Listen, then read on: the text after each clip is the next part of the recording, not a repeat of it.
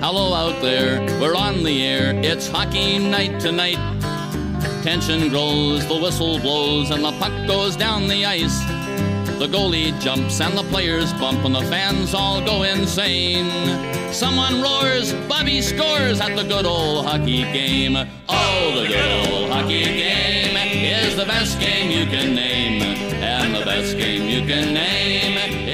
Hallå, hallå, hallå, hallå, hallå, hallå, hallå, hallå, hallå, hallå. Hallå och välkomna till NHL-podcasten med Jonathan Mowgli Ekeliv.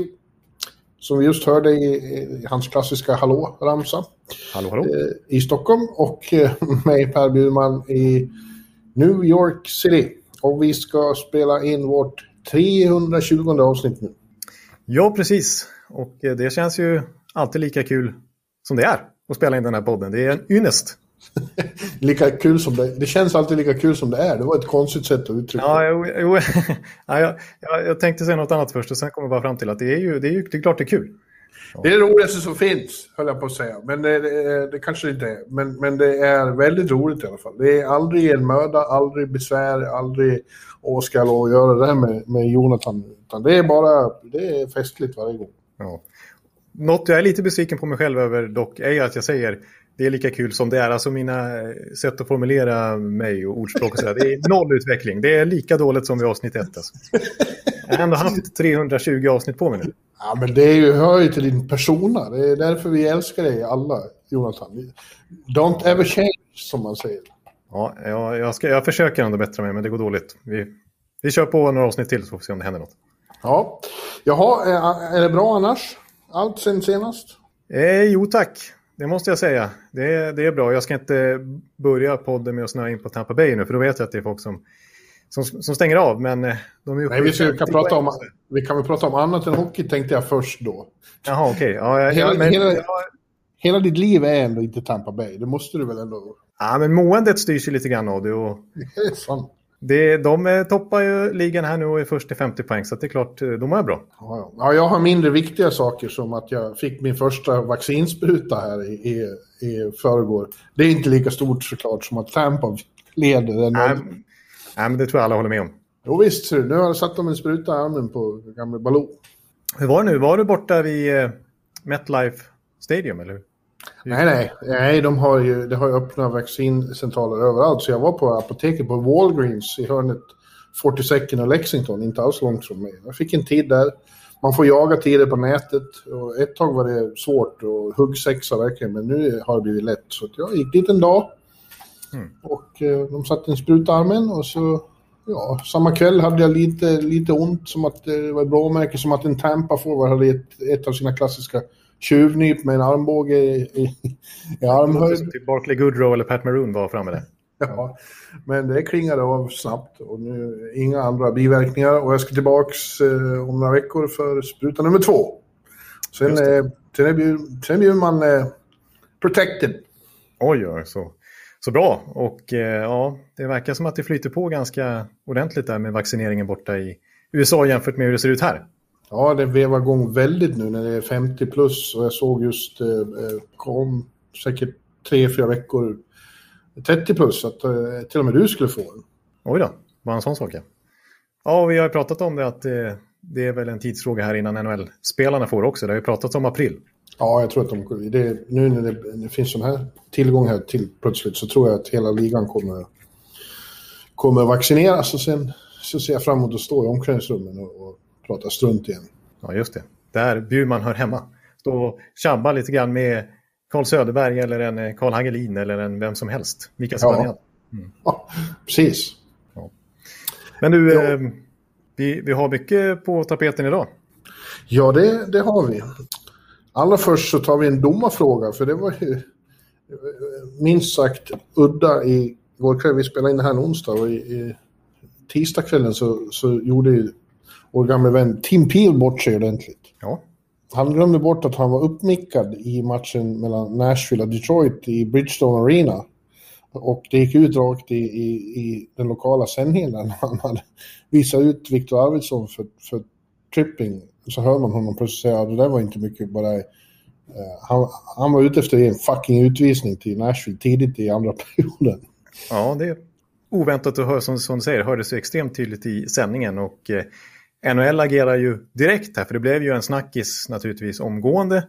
Men redan nu här på onsdag när vi spelar in det så har NHL gett beskedet att Tim Peel, han är ju sparkad kan man säga. Han ja. Eh, ska inte få döma något mer, varken nu den här säsongen eller någonsin. Och det vis visserligen var det här hans sista säsong. Han skulle göra sin sista match någon gång i slutet av, av april. Han har gjort över 1300 NHL-matcher. Eh, men nu är det färdigdömt. Ja. Det är lätt att göra då när det är bara en månad kvar av karriären kanske. Det är inte så hård bestraffning ändå, även om han säkert är deppig och missar sin sista match och så. Eh, men alltså de kan inte ha... Nu, nu är det ju så här, jag är rätt hundra på det, även om vi aldrig hör om det. Så är det ju så här domare resonerar överallt, ständigt. Det är klart att de blir biased och, och tänker i kompensationer och, och får, blir färgade av det är mycket gnäll och, och, och, och bråk och så. Men, men det, det, får ju lov att förbli en, en, en dold sanning. Det kan ju inte vara öppet med det. nu tog jag den här utvisningen bara för att jag ville det. nej, nej, precis. Det är det som är grejen. För som du säger, det är ju en av de nästan mest givna sanningarna, höll jag på att säga, i domarvärlden. Att det förekommer kompensationsutvisningar och sånt där. Det har man ju sett otaliga exempel på. Men att det skulle vara uttalat har man ju i princip aldrig hört. Nej, man har mer sett det som en... Nej, man har mer sett det som att det är en, en, en mänsklig eh, liksom svaghet att det blir så bara. För att man, man... De är inga maskiner utan de är människor och att påverkas av att... till exempel, jag tyckte att fan, den där utvisningen jag tog det var fel. Jag, jag må, då blir det att man kompenserar det sen. Ja. Men eh, jag förstår NHL här. De skulle ju tappa ansiktet kanske lite grann om de inte agerar kraftfullt mot ett så här uppenbart fall. När han ja. de facto säger att eh, han var ute efter en kompensationsutvisning. En fucking utvisning till och med. Ja, ja dessutom är det ju så nu att eh, NHL samarbetar med, med spelbolag. Uh, det är officiellt nu att, och, och, och i, i sådana spel är, finns ju till exempel spelformen, uh, man kan spela på vem som får nästa utvisning. Ja. och då är ju sånt här extremt tveksamt om, om det är så det fungerar. Ja. Han har ju varit i blåsväder för just, just Pil. Eh, var några år sedan han hamnade i en bardisk efter en match med, med eh, Greg Wyszynski, Puck Daddy. Just det. Och sa alldeles för mycket om sitt jobb. Just det. Ja, nej, han, är, han, är, han har varit kontroversiell tidigare. Jag kommer ihåg ett klipp, alltså det är inte första gången han säger fucking rakt ut i, etern heller, utan jag kommer ihåg någon gång när James Neal, när han hävdade att James Neal divade, då hördes det ju i hela arenan. Det var inte bara i tv-sändningen, det hörde ju varenda 18 000 åskådare på läktaren där. Också just i Nashville faktiskt, när, när Neil var där. Att you fucking kidding me, you fucking penalty, you fucking diver, bla bla bla. Så, ja. ja. Det, det, det, tråkiga med det här är att det kommer att bli väldigt... Det, konsekvensen kommer förmodligen bli att det blir väldigt många färre, framförallt domare, men även spelare som kommer att gå med på att vara uppmickade. Ja. Eh, och det är tråkigt för det är väldigt fascinerande att höra. Eh, och vi har aldrig riktigt fått göra det på riktigt, utom de första säsongerna av Road to Winter Classic, de osensurerade säsongerna. Just det. Eh, då var det ju extremt intressant att höra. Nu har de ju de här utspädda familjeversionerna de gör på andra kanaler, men när det var på HBO eh, och mm. Då var ingen censur alls. Varenda svordom var med och, och, det var ju extremt fascinerande. Man fick en helt annan bild av vad som pågår på isen. Ja, exakt. Och man hörde ju hånen på isen mellan spelarna och hur snacket gick på bänkarna ja, och så vidare. Och man hörde Bruce Boudreaus utskällningar inne i, ja, och, i omklädningsrummet mycket... som inte saknade svordomar om man säger så. Och hur mycket stjärnorna var tillåtna att svära åt domarna när de vart utvisade. Liksom. What the fuck? Precis. Ja, det var ju stenhård eh, liksom vokabulär som användes däremellan. Och de var ju fritt fram för dem att bara köra. Underbart det året när det var eh, Washington och Pittsburgh och, Matt Cook klagade på Dvorsky att han hade missat åtta crosschecking. Ja, och Dvorsky, really? Really? I'm that fucking bad? Cookie, ja. I, I'm that bad? I missed eight? Eight ja. crosscheckings? That's unbelievable how fucking bad I am. Ja. Ja, just Cook var inblandad också. Han åkte och sa åt Bäckström att han skulle slå in huvudet på honom. Och, och Bäckström bara ruska på huvudet. Ja. Ja, det, var, det var intressant att få se. Det får vi aldrig se något mer, eller höra något mer. Och det är jävligt tråkigt. Nej, precis. För att eh, när konsekvensen kan bli att mans, ens karriär tar slut, då förstår man ju att kanske många inte är så sugna på att sätta den där micken. Nej, och eh, vi får den här eh, förljugna versionen. För, för de, om man frågar vad som har blivit sagt på isen så säger jag att det, det som händer på isen stannar på isen. Ja. Eh, desinficerad version får vi eh, ta del av. Det, jag tycker det är tråkigt. Det är fegt av NHL.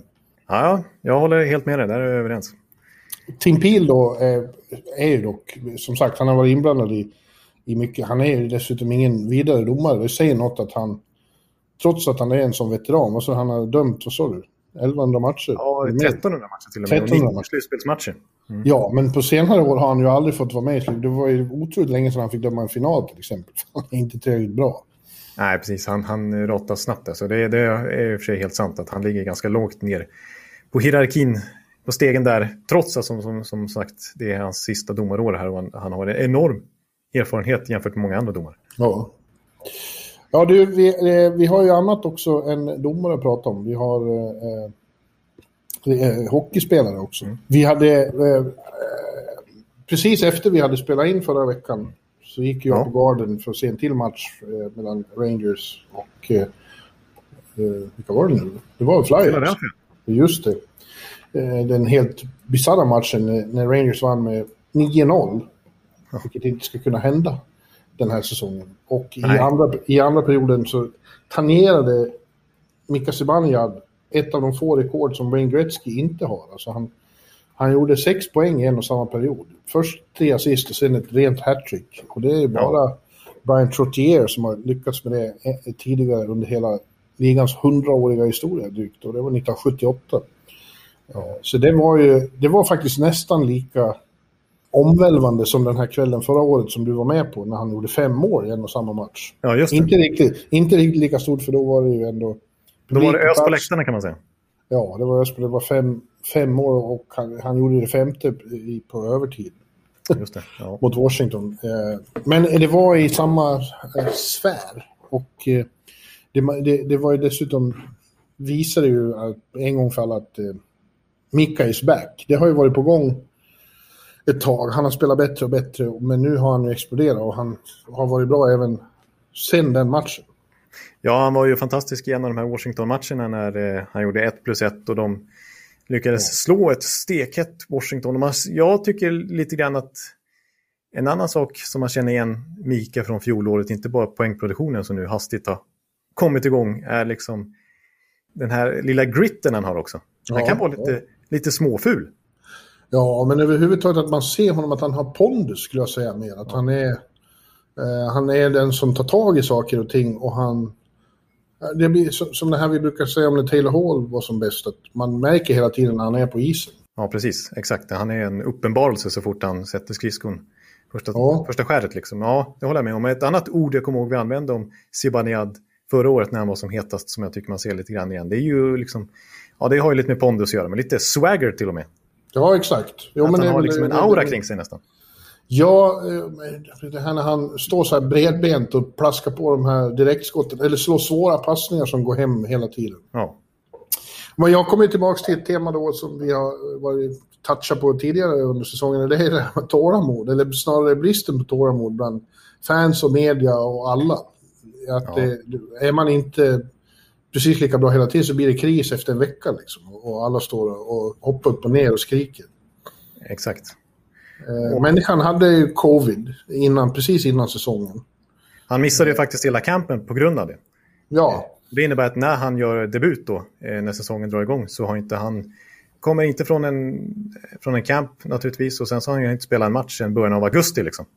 Nej. Eh, så förutsättningarna att då kliva in och dominera direkt är ju väldigt och då spelade han tre skitmatcher liksom, i, i slutspel som inte var mycket för Rangers att hänga i någon julgran.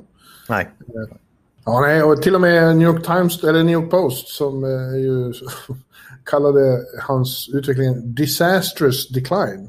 Ja. Efter den där Washington-matchen så erkändes det till och med där att Mika is back. Katastrofalt förfall alltså var det som vi, vi såg här i februari. Ja. ja, det var väl nästan det värsta exemplet på brist på tålamod, tyckte jag. Ja.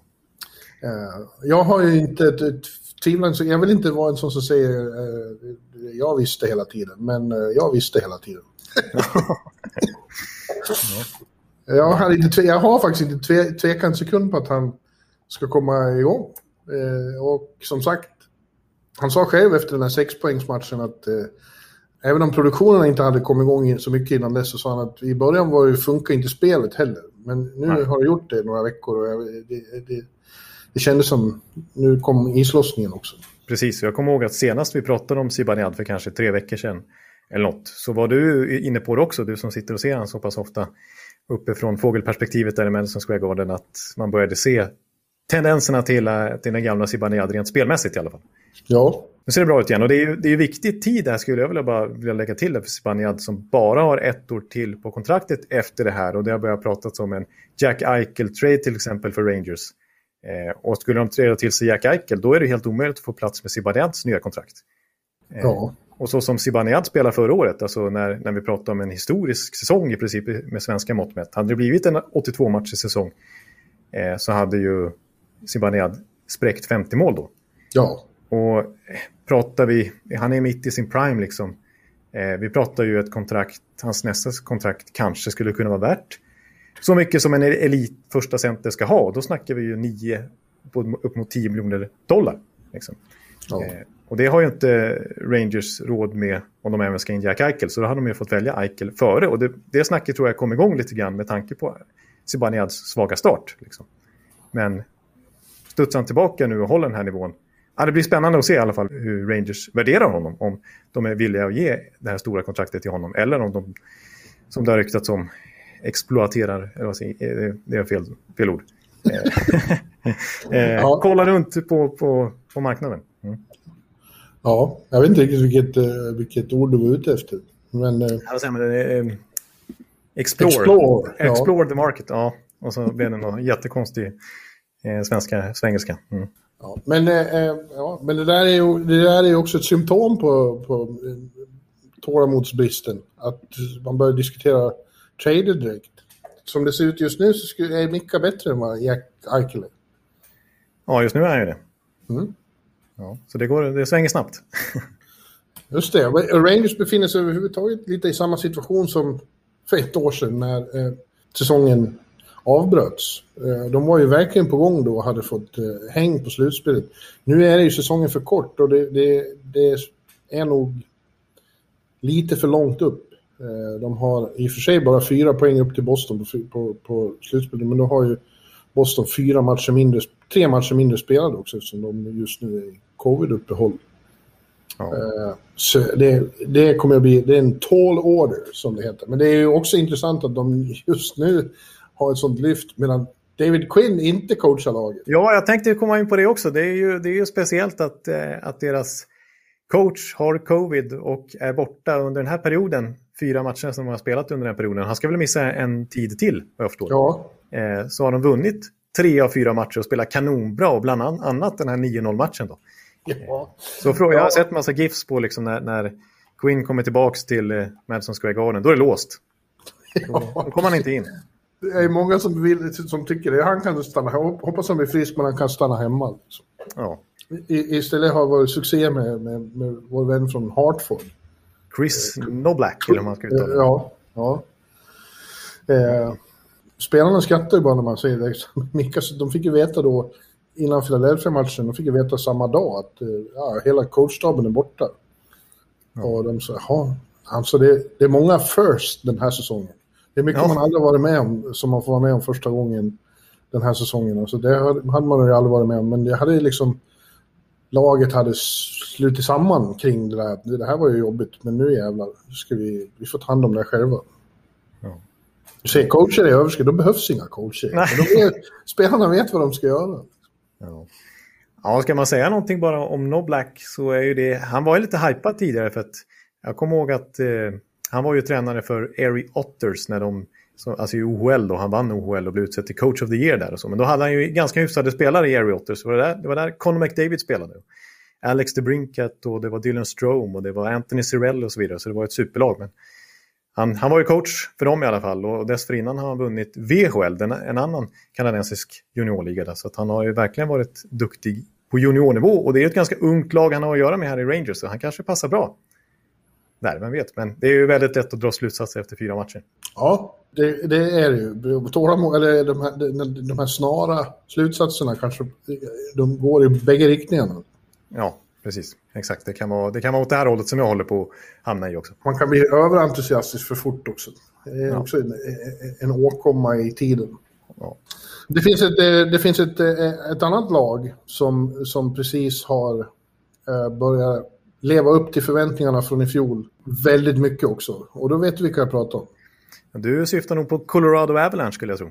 Ja, som eh, visserligen fick en sju matcher lång segersvit avklippt i Arizona igår kväll i en väldigt underhållande match. Eh, men eh, fram till det, så även delvis under den matchen, så har de varit äckligt bra på slutet. Ja, de har faktiskt varit ja, snuskigt bra. Så. Får ja. ändå konstatera. Och jag som gillar siffror så här, jag ska inte snöa in för mycket på det kanske, men det är ju otroligt vad dominanta de är. Både offensivt och kanske inte minst defensivt. Alltså, för när man pratar Colorado pratar man ju om deras enorma offensiv och deras spjutspets offensivt. Och även på backsidan att de har en sån som Cale McCarr. Ja. Eh, som känns som backarnas Nathan McKinnon nästan. Eh, men eh, defensivt sett skulle jag kunna prata om dem en hel del också.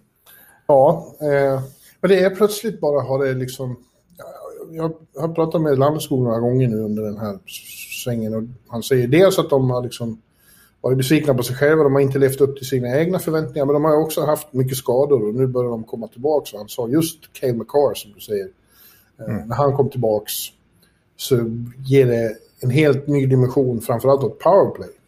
Eh, ja.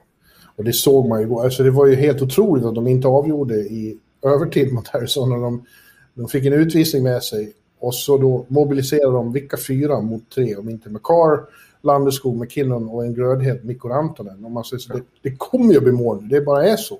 Ja. Men då vart Adin Hill vart plötsligt eh, helt sanslöst Han blev Darcy Kemper 2019. ja, så det blev inga mål fast det var jävla anamma pucken. Det, det, det ryckte om kassen så mycket var pucken där. Ja. Och vilka fruktansvärt bra hockeyspelare de fyra har. Ja. Ja, och de spelar i sånt vansinnigt tempo. De gör ja, ju det, i högsta ja. fart. Ja, ja det, är, det är ett fantastiskt hockeylag och det är väl ingen slump. Nu, nu känns det ju bättre att både du och jag har tippat dem som Stanley Cup-mästare när man ser den här nivån. Som ja. vi trodde att de hade, men kanske inte att de skulle vara så här överlägsna som de har varit hela mars egentligen. Eh, med den här sviten. Alltså, jag pratade om defensiven imponerande också, jag måste bara nämna det. Eh, de slaktade ju Minnesota i två raka matcher där. Just det. Ja, det, var nästan det, det var nästan det mest imponerande eftersom Minnesota har varit så bra. De hade fem raka segrar inför den ja. lilla matchserien och åkte på sånt... Eh, ja, de åkte ju på 1-11 i baken då på två matcher och i skottstatistiken var det 51-97. Ja, den första matchen hade alltså Colorado 20 skott på de första 10 minuterna. Ja, ja och, det måste och, nästan vara någon slags rekord. Och det sa Landeskog också att han tyckte det var besynnerligt därför att deras taktik är inte alls att väka all, allt på mål så mycket de kan. De försöker inte alls det, att skjuta i alla lägen. Utan det bara blev så, det var för att de var så extremt aggressiva då. Ja, ja. ja men det, det var det jag skulle komma in på lite grann, eh, defensiven också. Men först offensiven som du säger, skjuter 20 skott på 10 minuter. De är ju det lag som har skjutit mest, faktiskt, vad Landeskogen säger, i hela NHL så här långt per match. Ja, men det är inte, det är inte liksom någon uttalad strategi och vräka mål, puckar på mål hela tiden. Nej, nej. Eh, men kollar man defensivt, då är de också det lag som släpper till minst antal skott. Eh, för att i den andra Minnesota-matchen så, så, lyckades i alla fall Wild få iväg 31 skott. Men det var första gången ett lag lyckades skjuta över 30 skott på Colorado sedan 31 januari. Så de gick 18 matcher i rad eh, utan att släppa till över 30 skott, vilket ju måste vara någon slags rekord också. Och de har ju väldigt bra backar, men de har ju också väldigt bra, liksom hela laget är bra defensivt. Det är inte bara backarna. De har... Taves och Girard är ju två stjärnor bredvid McCard de också. Ja, nej, men det är det jag vill komma in på också, liksom hur, alltså, hur duktig Jared Bednar måste vara som coach. Alltså, ja. För att som du sa, de har haft ett antal skador här under den här perioden. Nu har McCarr kommit tillbaka, men de har fått slänga in en sån som Jacob McDonald, en sån här career AHL-spelare ungefär Dan Renoff och sen namn som man knappt hört talas om tidigare i de här sammanhangen. Eh, och ändå så släpper de inte till över 30 skott. Ändå så bara vinner, vinner och vinner de och liksom systemet funkar. Så det känns nästan som att de kan slänga in vem som helst. Ja. Och ändå så kommer, kommer, kommer liksom systemet funka. Eh, så ja. där måste ju ändå Jared Bednar också ha väldigt mycket cred. Ja. Det var, det var någon som sa, eh, i, i, jag såg sändningen från, från Denver, eh, Mile High, Fox News eller vad fan det heter. Det, där, där, där sa, konstaterade de kort och koncist efter Minnesota-matchen att eh, om Colorado håller sig friska och hela, då går de till Stanley Cup-final. Det bara är så. ja, ja det, det spännande blir ju det stora kraftprovet för dem. Härnäst faktiskt också för att de ska mötas nu i ett dubbelmöte. Det är ju Vegas och allt talar för att de kommer stöta på varandra i slutspelet också. För det känns som det enda laget som har en möjlighet att bräcka Colorado i den divisionen. Ja, ja Vegas är ju också bra. Men, men eh, när Colorado spelar så här bra och just som du säger i den här satans hastigheten. Då är de eh, ofattbart svåra att komma åt. Ja. Ja, och jag, ja, jag, nu har jag hyllat Bednar och jag måste, typiskt mig också, och snöa in lite på sånt där. Men, men jag måste få hylla Säkik också igen. För att det är många moves han har gjort där i det här fantastiska lagbygget som inte är självklara, som inte är liksom uppenbara. Men det är väldigt mycket smarta, smarta jag, jag har ju hyllat till exempel Brandon Saad-värvningen. Ja. Att de liksom väljer att lägga de 6 miljoner dollarna på honom kanske vissa tyckte var lite förvånansvärt när det fanns en Taylor Hall på marknaden och sådär. Men jag har ju förklarat det flera gånger att hans roll ska ju vara en 5 mot 5-spelare och lira en lite shutdown-kedja. Och de behövde inte en till PP-spelare så, utan det var ju precis rätt typ av spelare de behövde få in för att ytterligare stärka djupet. Men det jag vill säga är ju, om man kollar på den här backsidan som de har, så är det ju verkligen otroligt smarta värvningar han har gjort, eh, Joe Sakic. Alltså Matt Duchene, han blev till Sam Gerard och han blev till ett första rundaval som blev Bowen Byron. Två kanonbackar och betydligt mer värdefulla nu än vad Matt Duchene är. Ja, ja, verkligen. De fick Ryan Graves som är en väldigt stabil back för dem från New York Rangers för Chris Beagraw som nu spelar i Philadelphias farmarlag. Eh, de fick eh, ja, Cale till exempel så, så hade de ju otur där tyckte de när de ramlade ner. De slutade ju sist den säsongen. Eh, och eh, det var ju när de fortfarande var inne i rebuild och hoppades få första valet i draften. Eh, men eh, halkade ner till fjärde valet och fick den bästa spelaren i draften ändå, Cale McCarr. Ja. Mm. så att, men så även sådana här som, eh, som man liksom har tänkt, ha, jo det finns potential men är de verkligen så? Jonas Donskoj har varit väldigt bra här på slutet. Ja. och min gamla favorit Nikushkin har också varit bra. Precis, och det är också så här, hur, hur kan de lyckas så bra när de kommer till Colorado? Alltså Nishushkin är väl nästan det bästa exemplet. Han gjorde ju noll mål året innan ja. i Dallas. Han, det ja. var ju ingen chans att han skulle få ett kontrakt igen i NHL. Det skrek ju KHL om honom och så tar Sakic honom och han blir en väldigt effektiv defensiv forward faktiskt. Och gör ju en hel del poäng, men han har ju han har utvecklats verkligen till en tvåvägs väldigt pålitlig spelare. Liksom. Och så har Grubauer varit bra också. Ja, precis. Han har varit bra. Han har varit väldigt bra och eh, jag vill, eh, jag ska inte säga för mycket om honom för att jag tror att jag kommer in på han senare i avsnittet. Ja, ja bra, bra. Ja, det vet jag. Ja, ja du, eh, det går ju också, vi fortsätter storma vidare mot, mot eh, trading deadline. Ja. Som kommer här i april och det blir mer och mer spännande rykten Mm. Ett som eh, jag hörde i veckan är att eh, eh, Pittsburgh, som ju har en viss fäbless för att ta in gamla trotjänare och para ihop dem med, med, med Crosby, lär vara väldigt intresserad av Ryan Getzler. Jaha, det har jag faktiskt missat. Jag har mest hört bara att, men det kanske har svängt lite grann nu. Det senaste jag hörde för någon vecka sedan var väl att Getzlaff eh, inte var så sugen på att eh, bli tradad. Men... Nej, det kan det är möjligt. Men, men eh, allt jag har hört att, att de är sugna på honom. Ja. ja, det låter ju lite som en eh, Pittsburgh. Gammal Pittsburgh-värvning när man tänker på Bill Guerin och Brandon Morrow. Ja, precis. Så det känns som att han nog ändå skulle få en, eh, en litet... Liksom en, han har ju varit i Anaheim så oerhört länge. Ja, precis. Och man har ju sett en decline, inte en disastrous decline. På slutet. Men det är klart, det är inte den här eh, en av ligans bästa centra som han var för 5, 6, 7 år sedan. Liksom. Men han är fortfarande...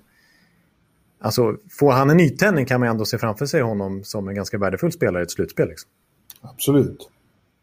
Ja, och, och sen är det då vi har också Bo Horvath. Nu vart ju han skadad då, eh, dessvärre. Men eh, Vancouver-kaptenen ska det vara många som är intresserade av.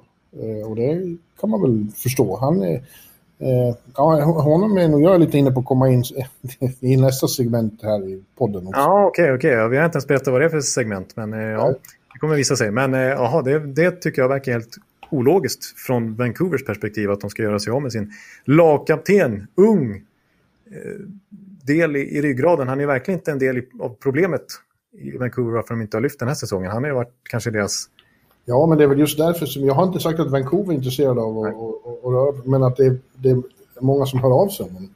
Ja. Ja, men jag sparade det... det mest spännande till sist här i de rykten jag hörde. Det här var ju i slutet av förra veckan jag hörde det här. Eh, och det är PK Subban. Eh, ja. Som faktiskt har fått en pånyttfödelse lite i New Jersey i år. Han har varit riktigt bra här eh, senaste månaden. Ja. Mm. bilden är att han eh, har liksom refocused on hockey. Eh, han har ju haft mycket i privatlivet på senare år. Ja. Och att han, ja det är inte jag som säger så här, utan han, han, eh, utan man, det har blivit lite gamla PK igen och han är väl inne på, är det sista året eller ett år kvar? Han sitter ju på ett enorm capita där med 9 miljoner dollar per säsong, men då, då, kanske New Jersey kan vara villig att behålla halva lönen då vid trade deadline.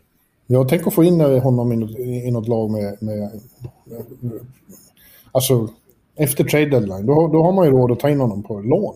Ja. Jag har skrivit av Pique Subban lite grann. Han är, har inte alls den statusen som han hade en gång i tiden längre. Det har gått lite för lång tid sedan han var så pass bra. Men det är klart att eh, han är ändå bara 31, 32. Tänk dig Pique i Boston. Ja, där han har varit så hatad. Ja. Vilken grej. Ja, det vore sjukt. Eller Washington. Nej, det kan man knappt se framför sig. Nej, men håll med om att det skulle vara spännande. Ja. Men det var lite blockbusters du kom med där ändå. Ja, du vart lite, nästan, man hör nästan att du blir lite stum. Det här kan inte stämma. Ja, jag blev lite stum. Jag, tanken är väl att jag ska reagera på det här och, och sådär. Men jag blev mest paralyserad känner jag. Ja, ja, ja. Så kan det bli, chockvåg av en bomb. Vet Ja.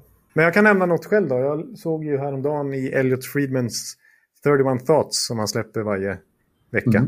Mm. Eh, att han skrev att eh, det är inte säkert att det blir Mattias Ekholm som tradas från Nashville, utan det kanske blir Ryan Ellis. Ja, precis. Ja. Som tidigare sagts vara en av de tre untouchables där med Roman Josi och Pekka Att det är de tre de inte kommer trada och Rinne då av franchise-skäl, att han ska få stanna hela karriären ut. Men att klubbar då, alltså att priset på Mattias Ekholm har gått upp så mycket, det är sånt enormt intresse för honom. Ja. Eftersom han har det, det har ju, ja, det som, men han har ju, som, det tror jag vi var inne på redan förra veckan, sen han kom tillbaka som skada har han ju varit grym. Han har ju varit, nu kommer ju Roman Josie tillbaka också då, men Mattias har ju varit liksom täckt upp för Romans eh, frånvaro. Precis.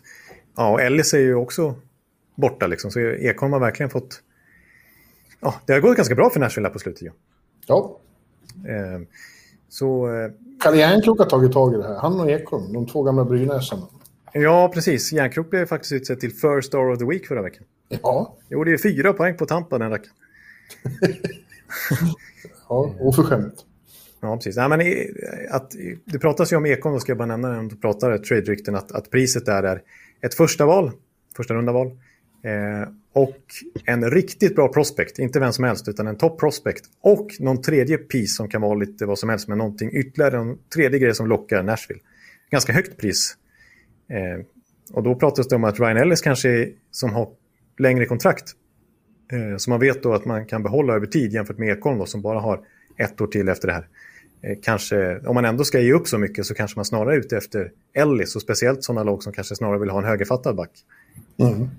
Så att vi får se vad som händer där. Det var i alla fall intressant att Elliot Friedman drog på det i sina 31 thoughts. Det var det som var rubriken. Liksom. Ja, intressant. Mm. Jag tror att eh, det skulle glädja Mattias mycket att få stanna i Nashville. Ja, det har varit min känsla också faktiskt. Att, eh, det jag tror jag gör att Nashville inte har sån panik liksom, att trada honom. Dels så, så har han ytterligare ett år kvar efter här och jag tror inte de är rädda för att tappa honom i expansionsdraften för jag tror de kommer, att de kommer skydda fyra backar. Och då kommer Ekholm att skyddas, liksom Dante Fabro. Och de behöver inte, liksom, då blir det bara fyra forwards de kan skydda, men de kan ju lämna, lämna typ Matt Duchene och Ryan Johansson öppna. För de vet att Seattle kommer inte vilja ha deras stora kontrakt ändå. Eh, Så de kan, ganska, de kan agera ganska enkelt i expansionsdraften. Och sen vet de, tror jag, att Ekholm helst vill stanna sen när det ska förhandlas nytt kontrakt. För att ja, Ida har ju precis, de har precis fått ett nytt barn och de är rotade där i Nashville och jag tror att de väldigt gärna vill stanna där. Ja, det tror jag också. Hörde, nu ska jag gå och hämta kaffe så du kanske kan eh, lite pausunderhållning innan vi kommer in på det här segmentet vi har pratat om. Ja, okej. Ja. Jag återkommer. Ja, det Jeg har ikke noen liksom, låt eh, å synge eh, akkurat. eh, Fordi jeg har liksom ikke vurdert eh, hvordan jeg skal eh, bruke denne liksom, perioden. Men eh, jeg kan jo snakke litt norsk, da, fordi eh, det er jo liksom mitt andre språk. Og eh, jeg må eh, liksom Tillbaks. inn i det, da. Det, Pratar du norska nu, då blir folk Ja, glada. Det det. är, det är det de vill. Ja, jag, ja. Det, det blev så. Jag, jag hade ingen sång i mig. Ditt stackars andra land. Jag läser att de ska ställa in all alkoholservering där. Vilken katastrof. Ja. ja, det är inte bra. De, eh, jag har ju börjat följa norsk hockey lite nu också. och De eh, ställde in hela säsongen. Ja, otroligt. Spelas det ingen hockey. Här går vi åt andra hållet. Här börjar vi ta in publik och räkna med fullsatta hallar framåt sommaren. Ja. Det är enorm skillnad i strategi och hur det funkar i USA och Norge får man säga. Tryck i er lite sprutor, hörni. Ja. Du, du, din röst behöver höras här i Sverige. Från, min, från mina läppar till Guds öron, säger du. Bra, tack. Så, så skulle jag kunna ha sagt om jag hade haft den förmågan. Ja. Jo. Ja, men du, det här segmentet då, som vi, varför jag nu börjar använda uttrycket segment så mycket, är fri på mig. Så, sådana tramstermer använder inte vi. Den här delen av podden, eh, eh, vi kom in på det för vi, vi, vi hade någon egen diskussion om underskattade spelare på sms häromsistens. Och då, och vi tar eh, helt enkelt eh, de mest underskattade enligt vår åsikt och vi har bestämt oss för att ta fem per division. Division. Division. Brassard. Ja. kan mycket väl vara en av dem. Och Saad. Sad. Eh, eh, och eh, du fick äran att göra eh, Central och eh, West. Och jag tycker att du ska börja med Central. Jaha, jag får eh, börja helt enkelt. Och det är inte en per lag alltså, om du trodde det, utan det är fem per division. Ja, så jag, ja, men vad tur, för jag har faktiskt tagit två spelare från samma lag. Ja, det, det går utmärkt. Det går Victor utmärkt. Hedman och eh, Steven Stamkos. Ja, precis. De, är, får inte tillräckligt mycket cred. Det är för dåligt alltså. det är, de ska liksom... Det, det ska knäböjas. Ja, Nej, jag, har faktiskt bara tagit en Tampa-spelare, men jag kan spara på honom. Och så får jag väl vika mig då och ta två stycken spelare från ärkerivalen. Ja. Florida Panthers. ja vad håller på att bli eftersom de Ja. är så bra två nu. Det är roligt när de möts. Ja, exakt. Alltså, tidigare så har man knappt brytt sig om Panthers, ska jag säga, som Tampa-fan. Utan min ärkerival har nog snarare varit Boston, typ. Ja. Men- Som du har en felaktig bild av att, att Tampa har svårt mot, när det är precis tvärtom. Ja, nu på senaste fem åren så är det ju faktiskt tvärtom. Eh, ja. Men eh, jag tar mina två Florida-spelare. Då, det, är liksom, det är inga anonyma spelare jag väljer här. Men eh, den ena är verkligen inte det. Men han nämns ändå inte som en av NHLs bästa spelare. Trots att statistiken talar för det de senaste åren. Och då, ja, klart jag borde kanske ta Alexander Barkov som är enligt många den mest underskattade spelaren i hela NHL. Ja, Men han är ju nästan så underskattad nu att han inte är underskattad längre skulle jag vilja säga. ja det är bra. Jag har ju faktiskt, jag ska inte prata för mycket om det, men jag har pratat med väldigt många spelare om, om bland annat den frågan, vem som är mest underskattad. Och, eh, alltså svenska spelare. Och nästan mangrant säger de nästan Alexander Barkov. Ja. Ja. Att, Ja, det han, att han har, det är, framförallt backarna säger att det är den smartaste jävel de har stött på och att han har alla, alla verktyg. Ja. ja, han är faktiskt otroligt bra. Ja, jag vet inte. Men du tänker mer på Uber då nu förstås? Ja, ja precis. Jag har, jag har valt eh, Uber då som då, om man bara tar rent krasst, så de senaste tre säsongerna är han åtta i NHLs poängliga. Han är sexa i assist under de senaste tre åren. Så han har ju verkligen producerat på en extremt hög nivå. Och det är inte nödvändigtvis så att han alltid har spelat med Barkov så att de två är ett superradarpar. Det är de ju i powerplay visserligen, men i 5 mot 5 är, är de ju ofta splittrade liksom, och Uber då får leda en egen kedja. I, år spelar han ju med Wennberg och Hörnqvist mycket. Mm. Ja, en lyckad duo får man säga, just de två svenskarna. Vi pratade inför säsongen att de två spelade ihop med William Nylander i VM här 2019. Och då slog ju Nylander nytt svenskt VM-rekord i poäng. Ja. Så att uppenbarligen funkar de väldigt bra ihop med en stjärna in till dem. Och i det här fallet Juber då, som också öser in poäng. Som vanligt då, i Florida. Så att, ja, jag, jag gillar Juber det också. Otroligt smart och... Eh, jag tycker han är lite lik Dreisaitl på något sätt. Eh, ja.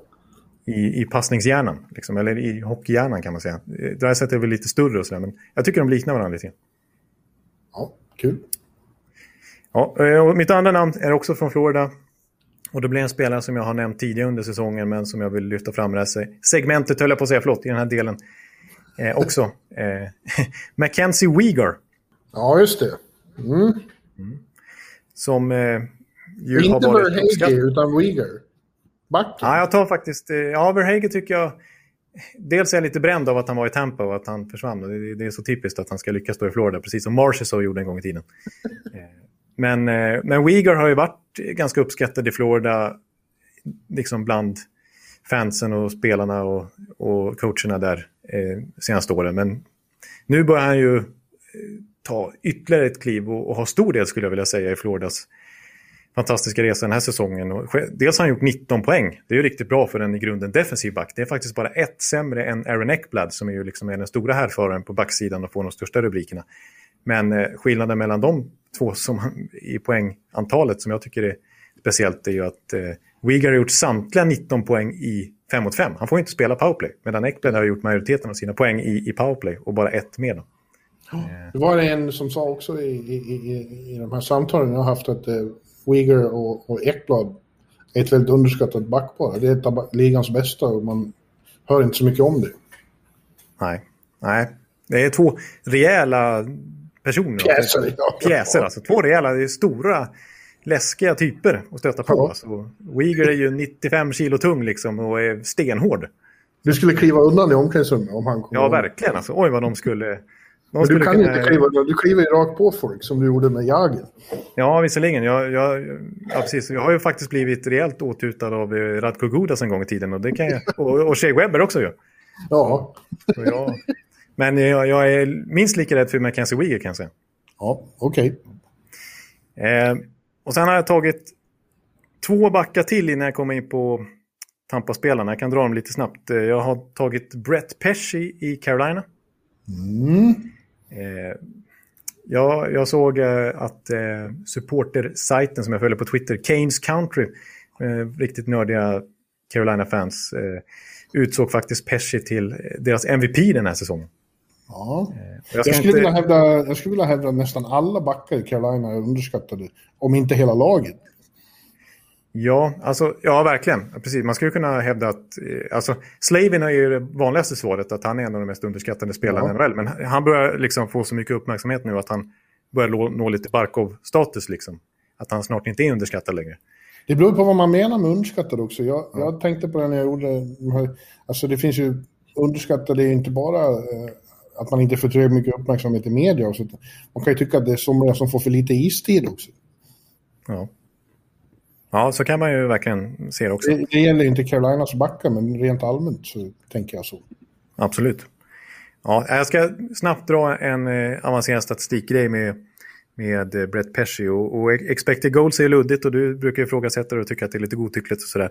Men eh, bara för att nämna snabbt med Brett Pesci då i hans fall så, så eh, hans expected goals, när han, eh, ja, han har 11% bättre än average i ligan när han är på isen och 4% bättre än average i laget. Så det är väldigt tydligt att när han är inne på isen så förväntas det göra mer mål, mål framåt. Och framförallt så är ju han väldigt duktig defensivt.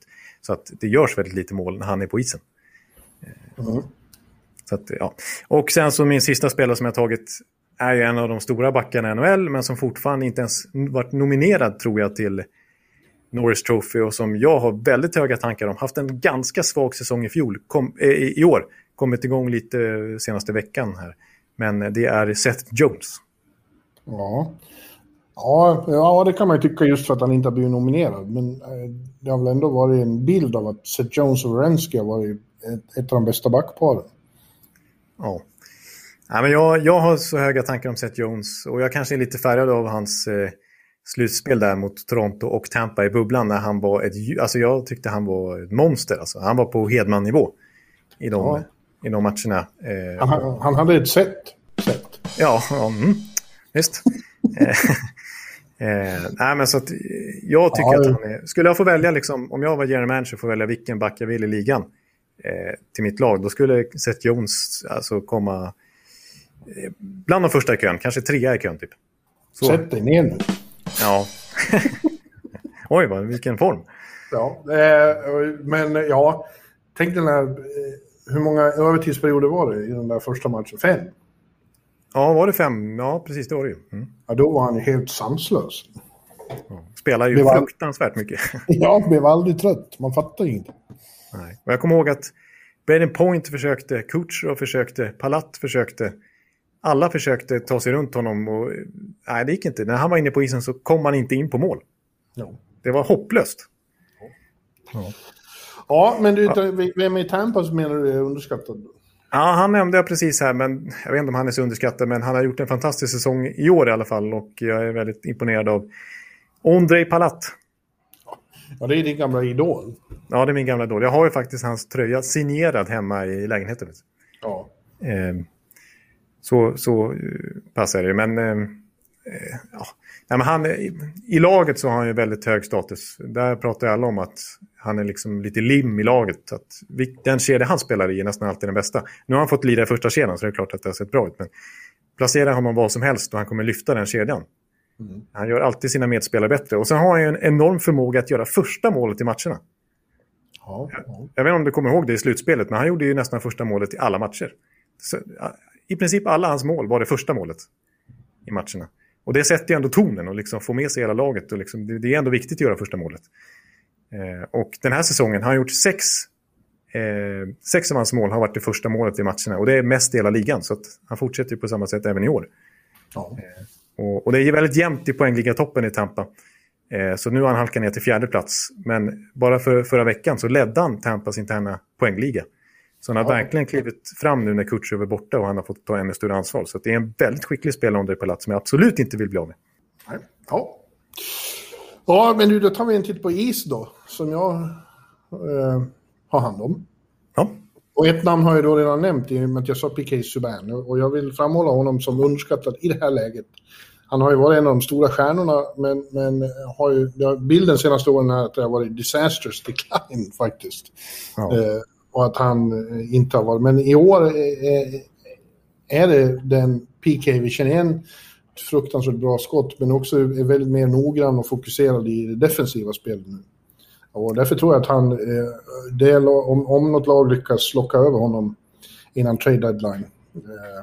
Vem vet, alltså som sagt, man vet aldrig med vår vän Lamoriello och vad han tänker göra, old school do.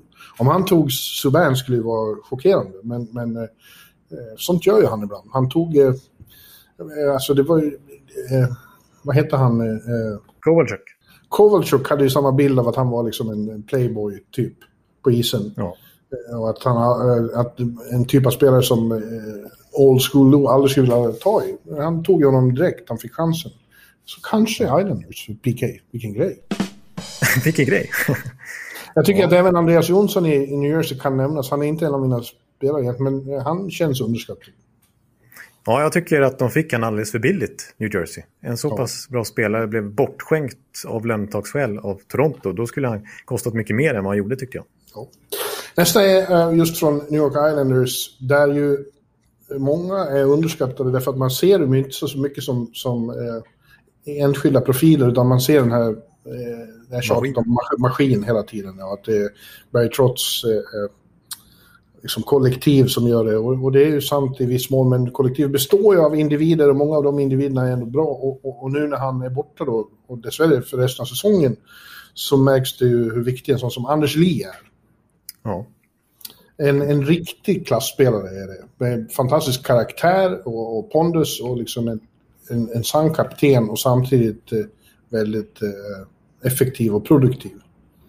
Ja, precis. Och eh, extremt bra framför mål. Alltså, vi, ja. där, där, kan man verkligen prata om näsa för mål, att eh, fiska upp returer och Eller haka för mål, för han har en väldigt stor haka. Ja, exakt. Det kan man faktiskt säga i hans fall. Det är en jättehake. Eh, dem i för- nättaket och sådär. Det diskuterade vi i, podd, eller i bloggen häromdagen, att han har, vad som i Borlänge kallas Forsa-haka. Om man kommer från eh, stadsdelen Forsa är det väldigt många som har rejäla käkpartier. Jaha, okej. Så, Så att det, Anders kanske Lee har en-. Ja, en riktig Forsa-haka. Och, eh, den, eh, det, han är ju överhuvudtaget inte liksom rejäl. Ja. Och, och precis, och vad är det fansen brukar säga? Att you can't spell Islanders without Anders. Nej, det är sant. Och det är, väldigt tungt och, och ett av skälen till att vi tror att, att eh, Lou kommer att gå efter något tungt här i, i, för trade. Inte på backsidan då förstås, utan ute efter en forward. Ja, precis. Exakt. Ja. Spännande. Mm. Ett annat namn som jag slänger in, som jag inte riktigt vet varför jag tycker att han är så underskattad, men jag tycker eh, om honom mycket. Jag tycker han får för lite cred och för lite istid som jag var inne på förut. Och det är Craig Smith i Boston. Nu är det svårt att få så mycket istid där eftersom de har den första kedjan de har. Och också några trotjänare framför i hierarkin. Men, men Craig Smith tycker jag är en outnyttjad resurs lite grann där. Ja, han är ju, skjuter ju fruktansvärt mycket. Han, han är en sån som, som så fort han får läge så skjuter han. Men han har ju ett väldigt bra skott också, så det är inte bara att han lastar in den i madrassen eller i omklattan. utan, utan det är ju oftast bra, oftast bra sikte. Så det skulle faktiskt vara kul att se han. Han har alltid varit en sån här andra fjol, liksom tredje kedjan. Ja. Aldrig riktigt fått chansen, blev en riktigt bra center och liksom Exakt vad jag menar. Ja. Så att jag håller med dig där, att det skulle vara kul att se han i den rollen om han skulle klara av det. Det hände några gånger i Nashville när det var mycket skador att han fick eh, komma uppåt i, i liksom topp 6. Och, och, och då gjorde han väldigt mycket mål också.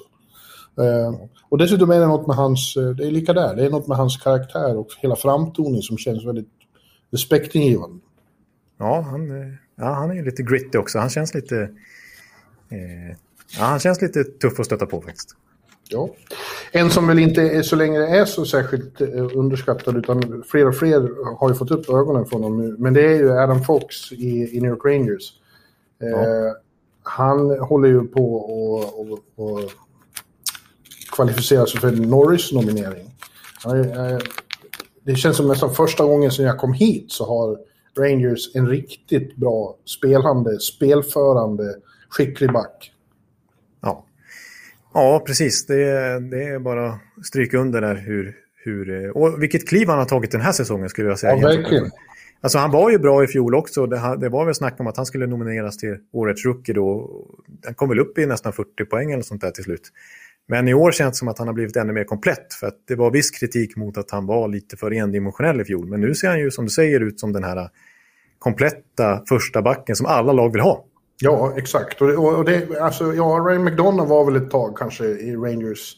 Men inte på det här sättet. Han var inte... eh, Han har inte samma offensiva punch som... Nej, eh, han förde inte spelet på det här viset.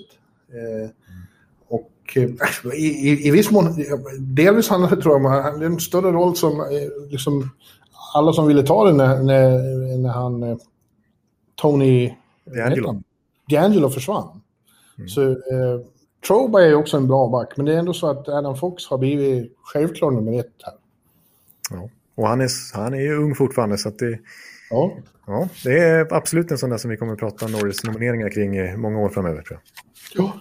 Eh, och slutligen, eh, tråkigt namn, men jag säger det i alla fall, eller tråkigt är det inte, men det är kanske förväntat för att vara från mig, men jag säger Niklas Bäckström, eh, som ju själv väljer rollen som eh, hålla en lägre profil, men eh, vid 33 är han väl nu, eh, blir bara bättre och bättre med åren och i år gör en av sina allra bästa säsonger i NHL. Och ändå får så, eh, förhållandevis lite cred, i alla fall här i Nordamerika tycker jag. Det är aldrig någon diskussion om att han ska vara nominerad för någonting, men det tycker jag att han börjar ge skäl för. Han leder Washingtons interna poängliga ganska klart i år. Ja, precis. Ja, jag håller med dig. Jag håller med dig att på något sätt så har han an- alltid hamnat lite i, i skuggan av Ovechkin naturligtvis, men också... Men det, han vill ju det också. Han, tycker, han är ju inte den som söker rubriker och får göra intervjuer och så. Det är inte Niklas grej. Men eh, han får skylla sig själv när han är så här bra. Det kommer att bli mer av den varan. Ja, precis. Nej, jag håller med dig det. Och också just hans bredden i hans repertoar. Att, att i alla fall i Washington snackas om att borde inte Bäckström vara Selke-aktuell det är inte bara de här poängen och de här framspelningarna i PP och sådär. Utan... Det har jag sagt i flera år och i år borde det vara dags. Ja. ja, du nämnde ju det när vi hade awards här om veckan, att, att du tyckte att eh, Bäckström ska vara nominerad. Ja. Och som vi har varit inne på flera gånger, många gånger har vi varit inne på det, till exempel när han skrev sitt nya kontrakt, att, det, att han lever på spelsinnet, det spelar inte så stor roll om han skulle tappa ett halvt skär i snabbhet, för det har inte varit hans styrka, utan det är andra saker. Nej, verkligen. Så det är det som är, talar för att han kommer vara effektiv även när han är 37. Liksom. Ja, exakt. Ja. Då äh, återgår vi till äh, lektor Ekelivs äh, utläggningar om... Äh, ja, det blir West. West, ja. Ja.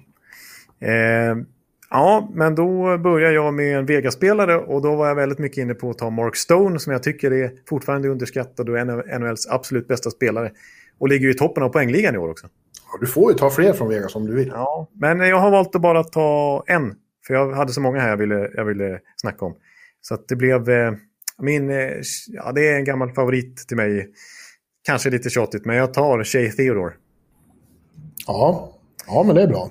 Eh, ja, som man glömmer bort lite grann när man pratar om bästa backarna i ligan och framförallt unga liksom, backar som har kommit upp på senare år. Han är väl 26-27 någonting, Shea Theodore visserligen, men har 24 poäng på 27 matcher den här säsongen och helt i skymundan tycker jag eh, det, det hamnade hans fantastiska slutspel han gjorde i bubblan. För då pratar man ju om Miro Heiskanens slutspel, man pratar om Hedmans slutspel som ledde till Hart Trophy, man pratar om John Klingbergs fantastiska slutspel.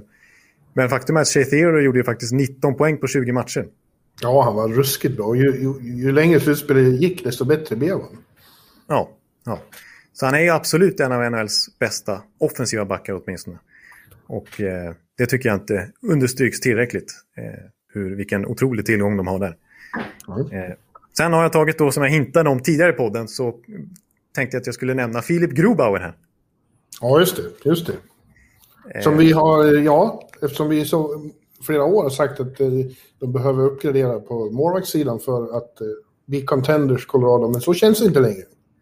Nej, precis. Och jag vill hävda då, nu får du säga emot om du tycker det, men att jag har varit lite mer försvarare av Colorados målvaktssida. Ja, absolut. Det har du. Det, har du. Det, är jag, det är jag som har sagt det här. Ja, precis. Det har, men det är inte bara jag. Det är många som har haft den synpunkten. Men inte du. Du är så klok, Johan. Nej, det är jag verk, verkligen inte i många avseenden. Jo, det vi, vi, vi, får se, vi, vi får se vad, vad, om Grobauer kan eh, spika igen. Men jag tror att han fick lite... Don't sell yourself short. Du är visst klok. Ja, ja men hans eh, anseende tror jag naggades i kanten lite grann. Det är när du är dålig på att ta komplimanger. Ja, det, det, det är jag inte bra på. Eh, men eh, i det här slutspelet 2018 i, i Washington när han hade konkurrerat ut Holtby och var fantastiskt bra i grundserien och sen så kom det slutspel. Och så gick det katastrof där mot Columbus och, och de torskade de två första matcherna på hemmaplan och Holtby tog över. Och så vann de hela Stanley Cup med Holtby mellan, mellan stolparna. Och då fick liksom Grubauer lite stämpel på sig som ja, en visst. choker. Det var ju så. Det var ju, ja, absolut. Det sitter en bild sen det är slutspelet. Precis, och det, det var egentligen bara två matcher och hela Washington underpresterade då. Men, men då fick ju liksom Grubauer, som säger, en stämpel på sig att han, eh, ja, att han inte är en... Man kan inte lita på honom i de viktigaste matcherna. Eh, kollar man på hans Colorado track record här i de slutspel han gjort där så har han faktiskt varit ganska bra ändå. Han är klart över 92 procent på 19 matcher och i fjol i slutspelsbubblan innan han blev skadad så vann han fem av sex starter. Liksom. Så ja. Det var ju skadeproblemen då. Det är väl det som är problemet med, med Grobauers karriär, att han har varit för mycket skadad och man därför var tvungen att ha en bra backup också. Att... Ja, ja, dessvärre är ju han också skadad mycket. Ja, precis. Frankie. Frankie, eller Franchose. Eh, nu. Eh, och det var därför de trädde till sig Jakob Johansson här. Nej, Jonas Johansson. Jo, Jakob Johansson, det är en fotbollsspelare i Göteborg. eh, Jonas Johansson är en gammal Brynäsmålvakt också. Ja, som har, de har varit väldigt taskiga mot i Buffalo tycker jag. Det, var, eh, det har inte gått något bra när han har fått chansen i Buffalo i år, men vem, vem fan har varit bra i Buffalo höll jag på att säga. Och eh, när han nu blev tradad så var det reportrar uppe i Buffalo som väldigt onödigt i princip håna människan när han försvann. Det tycker jag var, det var över gränsen. Ja, precis. Det var, det var, det var faktiskt eh, pinsamt nästan. Ja, var det. det var, han skrev den tweeten i affekt typ, för att han var lika trött på Buffalo som fansen. Ja, väldigt trist. Och nu fick han chansen igår och det, den där Arizona-matchen då, men det, ja, gick väl inte jättebra, men han hade några sekvenser när han, framförallt under den här förlängningen som var en av de roligare i manna minne. Han gjorde riktigt fina räddningar. Så att det, han, eh, och dessutom så är det väl så att han gör så gott han kan han med. Och han behöver inte liksom håna människan. Nej. Nej, och sen så tycker jag då att det, det är ändå Sakic som eh, byter till sig honom. Jag har högt förtroende för Sakic och han har uppenbarligen högt förtroende för Grobauer vill jag bara säga. Då, för att trots den här kritiken, trycket utifrån sett att eh, kom igen, fixa till era målvaktssida så har ju Grobauers anseende i Colorado ändå varit väldigt högt internt och från förtroendet från Sakic har varit högt. Så han har inte varit speciellt nära, har det verkar som, att träda till sig någon annan målvakt, utan han litar ju på Grobauer. Det gör ju spelarna också, det har man ju hört Landeskog många gånger. Han säger att ni, ni har bara fel om, om, om att, eh, om att eh, inte håller tillräckligt klass. Både han och Frankie är lysande. Ja, ja, precis. Och att man då väljer att ta in en sån som Jok eh, Jakob Johansson, Jonas Johansson här. Eh, det tyder ju ändå på att ja, man tycker man behöver liksom en, en tredje keeper här och inte en, en som ska vara med och hota om högre positioner. Jag förstår. Eh, ja. Jag, jag vill säga med en sak till om Grobauer som, som, som eh, talar lite för det här. Statistiskt sett de senaste fem åren så har han högst räddningsprocent i hela NHL i grundserien. Ja. Mm. ja nu tar jag, jag tar nästa namn då. Eh, då tar jag, ja, jag tar en målvakt till när vi ändå är inne på det. Då säger jag faktiskt LA Kings nya första keeper, Cal Peterson. Ja, eh, det var som fan, höll jag på att säga. Ja, som ju typ i alla fall har konkurrerat ut Quick nu. Han har stått fler matcher än Quick den här säsongen och eh, det var ingen slump att LA Kings valde att trada Jack Campbell som var så bra för häromåret till Toronto. För att då visste man att Cal Peterson kommer kliva upp här snart och bli vår nya första keeper. Och i år så har han, ser han ju redan ut att bli det. Och visst, redan och redan, han är inte jätteung. Han fyller faktiskt 27 i år. Eh, så han har haft en, en lång, lång liksom, sakta men säkert letat sig upp till, en, till den här positionen. Eh, men eh, han har varit småhypad prospect på senare år i alla fall. Hans sista år i college var han till och med lagkapten och blev uttagen i USAs VM-trupp. Alltså inte JVM då, utan riktiga VM. Eh, så att, eh, ja, han, det, King ser honom som deras nya franchise-målvakt, skulle jag säga. Bra, jag har honom i mitt fantasy-lag plötsligt, så jag, jag är nöjd med det. Ja, och ja, typ 93 procent är han väl den här säsongen. 92-93 procent, så att han har gjort det väldigt bra i LA. Så att han är bidragande till att LA också har gjort det bra som lag. Ja. Och sen tar jag då eh, ja, också en sån återkommande underskattad spelare som alltid nämns i sådana här sammanhang. Och aldrig är med på listor över de bästa spelarna i ligan eller de bästa backarna i ligan. Men det är ju Jared Spurgeon. Ja. Ja. Eh, det förstår jag att du kan säga, men han har en svensk kollega som man kan säga samma sak om, i synnerhet den här säsongen. Ja, Jonas Brodin skulle ju ja. man kunna hävda har varit den bästa backen i, i, laget den här säsongen. Jag tycker dessutom att han har varit näst bästa svenske back efter Victor Hedman. Ja, det, det, det stryker jag under på också faktiskt. Så, så fantastiskt bra har Jonas Brodin varit. Och han har ju faktiskt spelat mest i laget dessutom. Han har spelat mer än Spurgeon.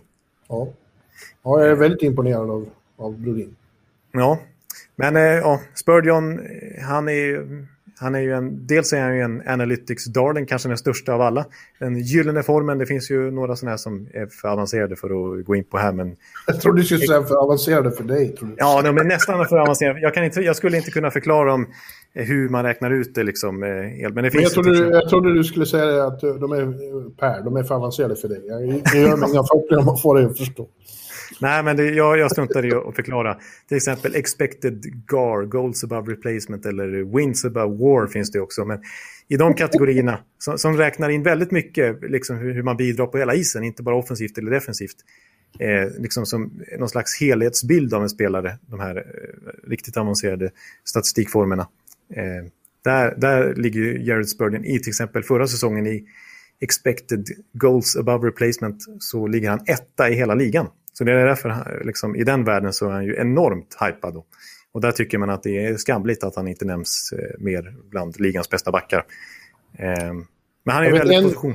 Jag vet en som håller med om att han är ligans mest underskattade spelare. Vet du vem? Kanske Brodin själv då? Ja, exakt. ja, Jonas Brodin tycker att Spurgeon är mest underskattad i ligan. Så det, ja, du har bra understöd där. Ja, det, det, känns ju bra. Det känns ju tyngre än att jag sitter och säger det, att, att till och med självaste Brodin tycker det. Eh, som sagt, då varit inne på det tidigare, men, men att Spurgeon blev utnämnd till kapten inför den här säsongen och dessutom skrev ett nytt sjuårskontrakt med den högsta capiten i hela Wilds historia. Så att det är inget snack om att man värderar honom väldigt högt i den organisationen i alla fall. Ja. Eh, ja, det är ett namn till. Jag får, mitt, mitt sista namn på listan är eh, David Perron i St. Louis. Ja, mycket bra namn. Eh, som ju ligger högt upp i den totala poängligan i år. Har gjort drygt en poäng per match faktiskt. Och jag tror att hans anseende är lite bränt av att han har varit ute på utflykter i andra klubbar. Ja, du, säger, du, du sa det för några avsnitt sedan. Att han försvinner iväg så kommer han tillbaka till St. Louis och är bra igen. Och så försvinner han och så kommer han tillbaka till St. Louis och är bra igen. Ja, precis. Han har varit i Edmonton och spelat med McDavid. Ah, det gick sådär. Han blev tradad. Han fick spela med Crosby i Pittsburgh. Nej, det lyfte liksom inte som de hade hoppats på. Han blev tradad. Och han har varit han i Vegas. Var, ja, han var i Vegas också. Han var, var väl eh, offer för... Eh... Expansions... Eh, ja, precis. precis. Eh, och han gjorde det för sig ganska bra i Vegas, men det, det, det roliga är att de... Han var arg då, kommer jag ihåg, för att när, när de gick till final så fick han spela väldigt lite och till och med petad några matcher. Han var väldigt arg och besviken. Ja. ja, det roliga är i alla fall att de gånger han har lämnat St. Louis så har han blivit tradad. Och varje gång han har kommit tillbaka så har han varit free agent så att han själv har haft möjlighet då. Så det är väldigt tydligt att han vill alltid tillbaka till St. Louis. Det är där han trivs. Och det var de som draftade honom. Det är där han är rotad. Och eh, eh just nu är han ju deras bästa spelare faktiskt. Eh, så att eh, eh, lite underskattad. Ja. Och då har vi eh, omhuldade North kvar då. Som ja. eh, Kanada älskar sin egen division fast den förmodligen är ligans sämsta. Ja, det för, att vara, får vara brutal. Eh, men det finns ju bra spelare där och det finns eh, många underskattade även i de kanadensiska lagen. Och ett som vi har varit inne på förut, inte minst har du varit det, och jag börjar med honom och det är ju Kyle Connor i Winnipeg. Som är en eh, bona fide målskytt, men får, man hör väldigt lite om honom. Möjligen för att han är där, där han är, i, i ett lag som fortfarande inte får så mycket respekt överhuvudtaget. Nej, exakt. Nej, nej han, är ju, han är faktiskt en av eh, ligans bästa snipers, skulle jag vilja säga. Ja, ja exakt.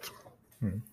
Eh, det, I den mån man hör om Winnipeg så är det ju mycket Shifley och Blake Wheeler och de är och, och förut Line då, och de är väldigt bra. Men, men eh, han, eh, han hör till de, de minst av allt någonsin skulle trada bort. Nej, nej, precis. Och han är otroligt snabb också. Alltså, nej, det är en kul spelare att titta på. Och eh, apropå det att man pratar mest om Wheeler och Scheifele så i fjol var det faktiskt så att Connor delade poängliga-segern internt med Scheifele och han vann den interna skytteligan. Så att... Men han har ju varit bra i flera år också. Jag kommer ihåg det här året när de var... Eh de slog ut Nashville. Den serien följde jag ju där, i alla fall i Nashville. Eh, och eh, han var en plåga för Nashville då, redan då. Liksom. 18, 2018. Ja. Eh, så att han borde verkligen få, han borde vara en större stjärna än han är.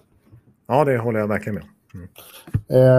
Jag nämner också Thomas Chabot i Ottawa Senators. Eh, de är ju inte något vidare lag och därför så är det ingen som, eller ingen, men det är för få som, som eh, tittar på vilken storback de har där i Chabot. Det är bara att se till vilken speltid han får och man får eh, känslan, tänk om han var i ett, ett topplag, om han spelade i Toronto eller i Islanders eller Colorado. Då skulle han vara en av de stora stjärnorna tror jag.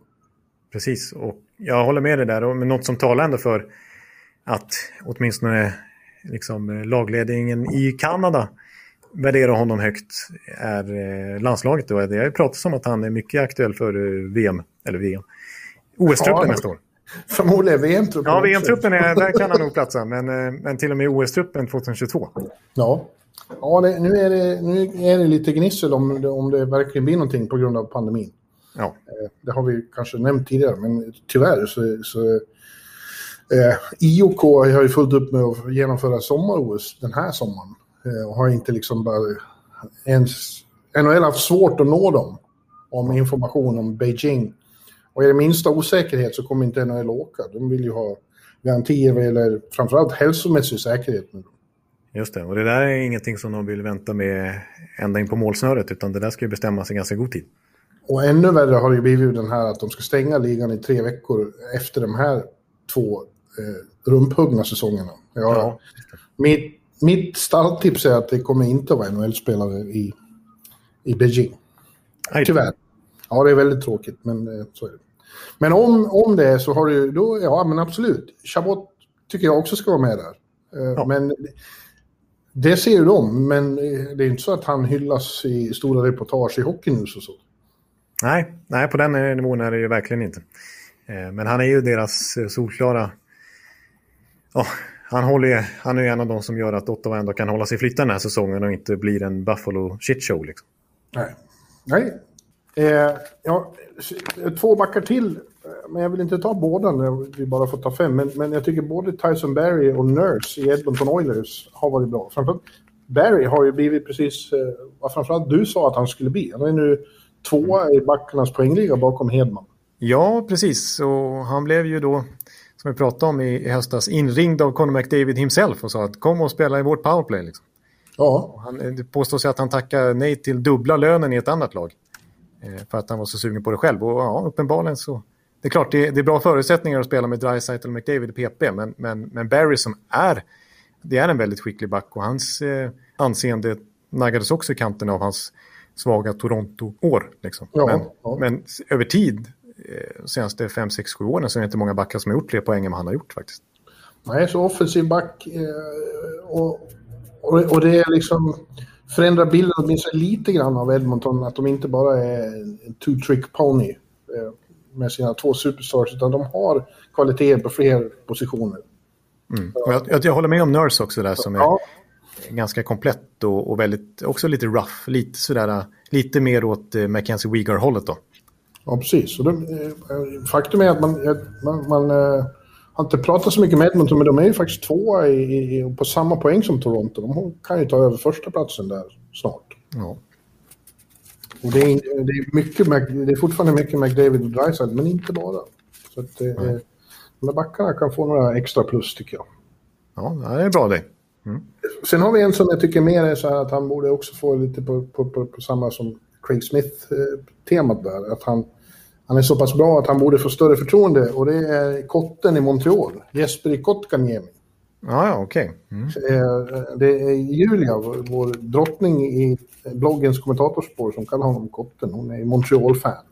Mm. Eh, och eh, han är också så, som du sa där, om han fick spela mer kontinuerligt med riktigt bra centrar i topp 6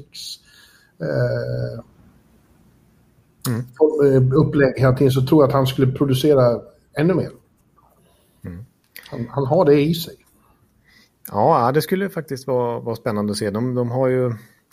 Eh, vill ju inte riktigt rucka där. Suzuki har liksom tagit över hans mm. roll lite grann där. Och som liksom unga stjärnskottet som man tror mest på. Och sen så envisas de ju mycket med att spela Dano. Eh, han är, också, han är ju för sig också uh, väldigt underskattad. Uh, Tycker jag. Det är också lite bra... sämre säsong i fjol, kanske lite bättre nu på slutet. Men, eller i fjol, men, i, i år menar jag. Ja, men han är eh, en, eh, en väldigt smart spelare också. Ja, det är en riktig tvåvägscenter liksom. Mm. Så vad, vad du, jag har missförstått det här, säger du nu, att Kotkaniemi är center och ska inte spela med en bra center, utan med, bra, med, med, med bättre Ja, men han är oftast tredje center där. Mm. Men han är, det finns också en sniper i honom. Ja. Ja, det, visst. Det gick ju trots allt trea i draften och, och med höga liksom, förväntningar på sig. Och det känns som att nu har han ändå fått några år på sig. Ja. Det var ju den första gillar... nollan att göra mål i NHL. Det var ju några år sedan. Jag gillar kotten. Ja. Mm. Eh, slutligen, eh, jag har många. Man kan ju säga att William Nylander är underskattad eftersom han aldrig riktigt får den respekt han förtjänar tycker jag. Eh, det är alltid han som är problemet bara. Ja, det är precis. TJ Brody, samma sak eh, som har varit en defensiv klippare i Toronto. Men jag säger ändå Elias Lindholm, ja, för att uh, han är en han är stjärna i Calgary, men får, uh, tränger liksom inte igenom. Nej, jag tror folk, absolut inte att folk har fattat här i Sverige, mainstream-publiken i alla fall, att Elias Lindholm är den poängstarkaste forwarden i Calgary och kan spela mest av alla i laget. Han har mest istid av svenska forwards i boxplay i hela ligan. Ja. Han, eh, han, är ju han är the complete package i princip. Ja, och, och kan spela på flera olika positioner. Och, eh, ja, är liksom extremt användbar för coachen. Det ser man direkt att, att det är även en sån som eh, Sutter tycker väldigt mycket om honom. Ja. Och jag tror så här, alltså för några år sedan här så när Calgary faktiskt vann West, eh, hela den eh, konferensen, och så gick det dåligt i slutspelet och åkte ut direkt mot har, Colorado. Det har en tendens att göra det. Det är ju det ja. hela Calgary, inklusive han, måste bevisa att de ska, kan prestera när det är som allra viktigast också. Ja. Men jag kommer ihåg att den säsongen i alla fall så i grundserien så öste ju Johnny Gaudreau in poäng och slog personligt rekord och Monahan slog personligt poängrekord och Giordano blev ju Norris Trophy-vinnare där. Men jag kommer ihåg i alla fall att när Monahan och Gaudreau hade sina poängbästa säsonger då hade de Elias Lindholm intill sig och det tror jag inte var någon slump. Men sen, sen dess så har man märkt att ah, vi, måste, vi måste peta ner Lindholm som center och så att han får föra en kedja och, och, och då är ofta är just den kedjan bäst. Han är, det är lite som Ondrej Palat, att han är en sån här som lyfter omgivningen var han än spelar. Och, ja, när som sagt då Gaudreau och Monahan sina, hade sina bästa säsonger, då hade de just han som kedjekamrat. Mm. Monahan skulle väl också kallas underskattad eftersom det är så mycket spotlight på Gaudreau. Gaudreau. Ja. Eh, men Monahan är i princip lika bra. Ja, exakt. Eh, intressant med Lindholm är också att han och hans kusin eh, Järnkrok är, är alltid en intressant eh, eh kamp i kampen om vem som vinner poäng. Vem som vinner kusinernas poängliga. Ja, det har väl inte varit så jämnt sista åren. Här. Nej, men, ja, men Järnkrok har ju sina sekvenser under varje säsong när han blir het. Han är lite streaky. Ja, det ska bli spännande att se hur det blir med han också här vid trade deadline. För det har börjat pratas lite grann att om Nash, nu går det i och för sig ganska bra för Nashville och Josie kommer tillbaka dessutom att de kanske kan blanda sig i slutspelsstriden igen helt plötsligt. Eh, ja. Men om de väljer att vara sellers, vilket är det troligaste, då kanske en sån som Järnkrok också blir tradad. Och han tror jag väldigt många contenders skulle vara intresserade av med tanke på hans ganska billiga kontrakt. Och han, han är ju precis som Lindholm, otroligt användbar. Både i top 6, i bottom 6, i boxplay, powerplay, ytterforward, center, vad som helst. Ja, han har ju varit Nashleys alltid i allo gumma. Liksom, ja, verkligen. Allt. Det har ju varit hans bilden av honom i många år. Ja. Du, äh, ja, men då var vi klara med det där. Jag, ja. jag glömde bort en sak här. Det kom ju mejl igår från, från eh, NHL om att nu är det här som du har pratat om då med changes to draft lottery. Det, det är nu spikat. Och det mejlet var ju bara som humor. Alltså, vilket, så fruktansvärt komplicerat det är. Alltså att, att sådana nördar som du eh, benar ut vad det handlar om förstår man ju. Men, men för mainstream-publiken som du nämnde nyss är det ju rena kinesiskan det här. Ja. Särskilt som vi också har en face-in schedule. Ja. Uh, att vissa av de här förny, uh, nyheterna fasas in nu och vissa kommer senare. Man blir yr när man läser det här. Ja, det är unique... lite onödigt komplicerat, det kan jag hålla med om. Given the unique char characteristics of this seasons, including a short-handed regular season schedule, as well as club schedules that are comprised exclusively of intra-division games, some of these changes will be phased in as opposed to immediate. Jo, vi förstår det. On the following schedule. Uh, ja, jag, jag ska inte läsa, men det är ju... The limitation of move up and limitation on benefiting from draft lottery wins over a five-year period is being implemented for the 20, 2022 draft lottery and beyond. Jo, alltså, ja. Nej, humor. Humor! Ja, ja det, hade, det hade kunnat göras lite tydligare. Det, det kan jag köpa. Ja. Eh, ja. Men huvudkontentan är i alla fall ju att eh, man bara lottar om två istället för tre val. Och att man inte kan mova upp mer än tio spots. Det blir det otydlig svengelska från mig. Eh, så att man inte kan gå från 14 till första valet typ längre utan bara i så fall från 14 till fjärde valet. Då.